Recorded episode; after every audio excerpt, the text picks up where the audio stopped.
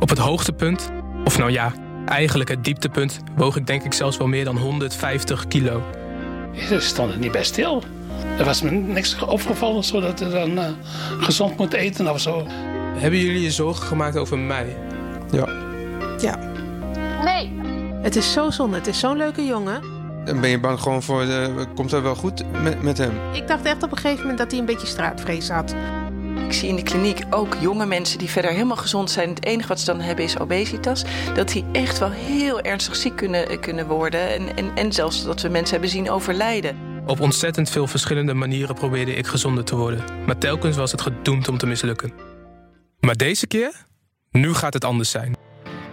Ik ben Aaron Lopatti, journalist en maker van de podcast Met Afvallen en Opstaan.